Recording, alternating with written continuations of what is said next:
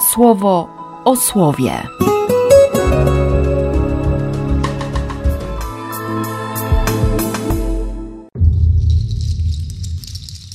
16 marca, wtorek. Z księgi Ezechiela. Następnie poprowadził mnie przed frontowe wejście do domu, a tam woda wypływała spod ganku w kierunku wschodnim. Frontowa bowiem część domu skierowana była ku wschodowi. Woda płynęła spod prawej strony, czyli z miejsca leżącego na południe od ołtarza. Z kolei wyprowadził mnie drogą wiodącą przez północną bramę i na zewnątrz powiódł mnie drogą w kierunku bramy wschodniego dziedzińca. Tam wybijała woda spod prawej strony. Wtedy pojawił się sprzeciwka jakiś mąż. W ręku trzymał miarę. Odmierzył nią tysiąc miar i przeszedł przez wodę. Było tej wody tyle, co przy źródle. Znowu odmierzył tysiąc miar i przeszedł przez wodę. Woda sięgała mu do ud. I znowu odmierzył tysiąc miar i przeszedł. Woda sięgała mu do bioder. A kiedy jeszcze raz odmierzył tysiąc miar, już nie mógł przejść. Woda bowiem toczyła się z szumem jak w rwącym potoku, którego przebyć nie sposób. Zapytał mnie wtedy, synu człowieczy, czy widziałeś to? Potem wyprowadził mnie nad brzeg tej rzeki. Kiedy zawróciłem, ujrzałem drzewa na obu brzegach rzeki. Było ich bardzo dużo. Rzekł mi: Ta woda płynie do wschodniej Gilgal, dalej podąża w kierunku Arabii i dociera do morza, do ujścia wód. Uzdrawiać będzie tamtejsze wody. Wszystko z bujnego rojowiska tamtejszych istot ożywionych, gdy dopłynie ta rzeka, stanie się bardzo żywotne. Będzie tam wielkie mnóstwo ryb, gdyż ta woda tam dotrze i sił dostarczy. Także życiem napełni się wszystko, do czego dopłynie ta rzeka. Życiem cieszyć się będą. I staną tam rybacy od Engadi do En-Eglaim. Pojawią się suszarnie sieci. Nad morzem stać będą. Jego ryby będą takie jak ryby wielkiego morza. Wielkie mnóstwo ich będzie ale u ujścia rzeki oraz w jego zatokach i rozlewiskach nie nastąpi uzdrawiające oczyszczenie. Te miejsca będą pozostawione soli. Przy tej rzece, na jej brzegach, z tej i z tej strony, wyrosną różne drzewa owocowe, na których nic nie obumiera, ani nigdy nie brakuje na nich owoców. Ciągle od nowa wydawać będą plony, bo wody dla nich wypływają spod miejsca świętego. Ich owoce służyć będą za pokarm – a to, czym porastają, za lekarstwo. Z Ewangelii według świętego Jana. Potem były święta u Judejczyków. Jezus zatem udał się do Jerozolimy. Przy bramie owczej w Jerozolimie jest sadzawka nazywana po hebrajsku Bedzatha. Ma przy sobie pięć krużganków. W nich leżało wielu chorych, niewidomych, kulawych, z bezwładnymi rękami. Był tam pewien człowiek chory od 38 lat. Gdy Jezus zobaczył go leżącego, wiedząc, że już od długiego czasu cierpi, odezwał się do niego: Czy chcesz odzyskać zdrowie? Odpowiedział mu chory: Panie, nie mam nikogo, kto by mnie wrzucił do sadzawki, gdy poruszy się woda, a zanim sam się doczołgam, inny przede mną wchodzi. Jezus mu rzekł: Wstań, podnieś swe łoże i chodź. I od razu ten człowiek stał się zdrowy. Podniósł swe łoże i chodził. A tego dnia był szabat. Mówili więc Judejczycy do uzdrowionego: Jest szabat, nie wolno ci nieść twego łoża. A on im rzekł: Ten, który mnie zdrowym uczynił, powiedział mi: Podnieś swe łoże i chodź. Zapytali go: Kim jest ten człowiek, który ci rzekł: Podnieś i chodź? Lecz uleczony nie wiedział, kto to jest, bo Jezus usunął się z tłumu, który był w tym miejscu. Później spotkał go Jezus w świątyni i rzekł mu: Oto stałeś się zdrowy, nie grzesz więcej, aby ci się coś gorszego nie przydarzyło. Poszedł ten człowiek i doniósł Judejczykom, że to Jezus jest tym, który go uczynił zdrowym. I dlatego Judejczycy oskarżali Jezusa, że uczynił to w szabat. Sporo rzeczy mi się otwiera podczas lektury tego 47 rozdziału proroctwa Ezechiela. I ciągle mam w głowie to, że jakieś 21 lat temu, właśnie o tej porze mniej więcej, kończyłem pisanie magisterki o wodzie wypływającej spod progu świątyni na podstawie 47 rozdziału proroctwa Ezechiela. I kiedy jakiś czas temu przeglądałem tę swoją pracę, to pomyślałem sobie, że, że wtedy naprawdę nie wiedziałem nic o Biblii. Nie miałem wtedy tego doświadczenia. Nie byłem nawet na początku tej drogi do słowa, które jest żywe.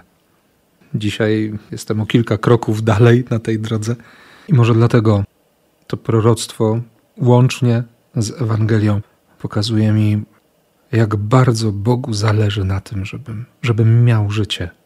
Szczególnie teraz, kiedy przed momentem dosłownie docierało do moich uszu to tłumaczenie z Septuaginty. Ciut inne niż w Biblii hebrajskiej. Ale tym mocniej było w nim zaznaczone to pragnienie Boga, który chce dać życie. Kościół od samego początku i tę główną wizję Ezechiela, i powroty u Joela, u Zachariasza, i to, co mówi Jezus w Ewangelii Jana 7, 37, 39, i potem scena ukrzyżowania u Jana, i, no i oczywiście nawiązanie do Ezechiela w Apokalipsie. Kościół wiedział, że chodzi o chrzest, że to jest woda, która zadaje śmierć śmierci i daje życie umarłym, wyprowadza z niewoli woda docierająca do morza. Chodzi oczywiście o Morze Martwe. Może poza kilkoma szczepami bakterii nie ma tam żadnego życia. A tu nagle bujne rojowisko tamtejszych istot ożywionych stanie się jeszcze bardziej żywotne, gdy dopłynie ta rzeka.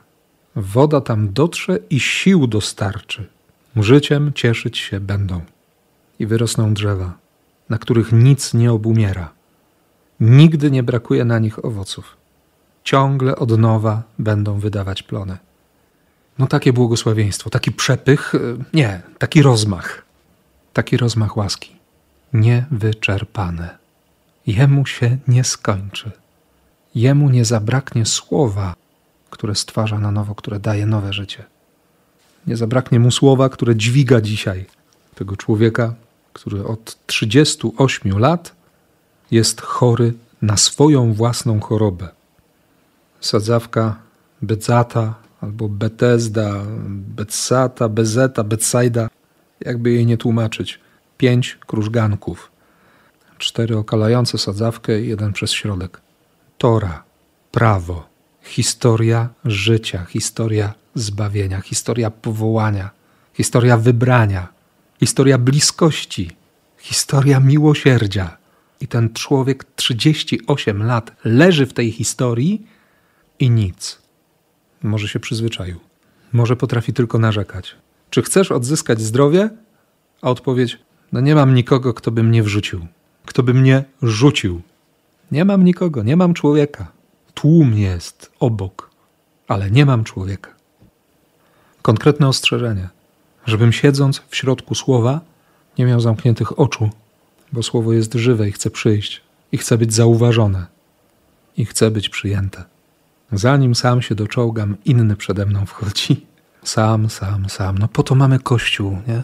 Tym bardziej, że, że skoro obydwa teksty mówią o wodzie, która jest znakiem chrztu, i te teksty są zapowiedzią, to przecież chodzi o Kościół.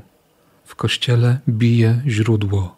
Tak, w tym kościele, w takim kościele bije źródło łaski. Bez względu na to, jacy są słudzy kościoła, jacy są ludzie w kościele, bije źródło łaski. I znowu słowo. Wczoraj pod koniec czwartego rozdziału słowo dane człowiekowi, który z miasta nadziei przychodzi z nadzieją i, i odchodzi z niczym, z pokruszoną, połamaną nadzieją, w beznadziei. Nieprawda. Dostał słowo, i to słowo poszło przed nim. I był znak. I teraz konkretny, kolejny znak. Znów słowo. Nie trzeba już wody, ale jest słowo. Wstań, podnieś swe łoże i chodź. Niekoniecznie idź do domu, zacznij chodzić. Tak jakby Jezus nie wiedział, że szabat jest nie? i że na pewno ktoś zwróci uwagę na tego człowieka. No, przez 38 lat nikt go nie zauważał, teraz nagle jest na, na oczach i na językach wszystkich, bo szabat, bo praca, bo bo nie ma ograniczenia w ilości kroków, ale przynajmniej jest posłuszny. Trochę jest podobny do Ezechiela. To jest znak, którego nie da się przeoczyć. Ezechiel podobnie. Przecież dostawał takie polecenia od Boga i robił takie rzeczy na granicy zdrowego rozsądku. Zresztą wiele razy mówiono mu, że, że przekroczył tę granicę. Doświadczany niesamowicie. Mam w głowie ten jeden werset. Rano mówiłem te słowa, a wieczorem umarła mi żona. Ale nie wolno mi było wejść w żałobę. Jaką drogą Bóg prowadził tamtego człowieka, jaką drogą prowadzi teraz tego, no w pewnym sensie nawet proroka. Zmieniło mu się życie. Słowo dało mu nowe życie. To 38 lat. Dzisiaj arcybiskup Grzegorz Ryś mówił rano w Eucharystii. Liczba 38 raz się pojawia. Księga Powtórzonego Prawa. To był czas, którego Bóg potrzebował, by wyginęło pokolenie, które wyszło z Egiptu. Nie dlatego, że Bóg się jakoś mścił za te grzechy na pustyni. Tutaj chodziło o to, że to mi tak jakoś mocno przyszło do głowy. Na każde z dziesięciu słów Bożych, na każde z przykazań dekalogu, na każdą z obietnic Bożych, oni mieli swoją własną odpowiedź. Dziesięć razy wspominają o tym, że w Egipcie było lepiej. W ogóle nie pamiętają niewoli, nie pamiętają tej śmierci, tego zagrożenia, tego przekleństwa spętania, tej służby demonowi w ludzkim ciele. Tylko bo tam było mięso, bo tam była cebula, były ogórki, melony, czosnek był. No wszystko było. A tutaj jest Bóg, ale to nie wystarczy. Bóg przegrywa z melonem. No bardzo lubię lody o smaku melonowym, ale dziesięć razy wspominają, że w Egipcie było lepiej. Skoro chcą śmierci, to nie przyjmą życia. Mając przed sobą życie, umierają na pustyni. 38 lat. Ten człowiek zostaje stworzony, dostaje nowe życie po 38 latach trwania w śmierci.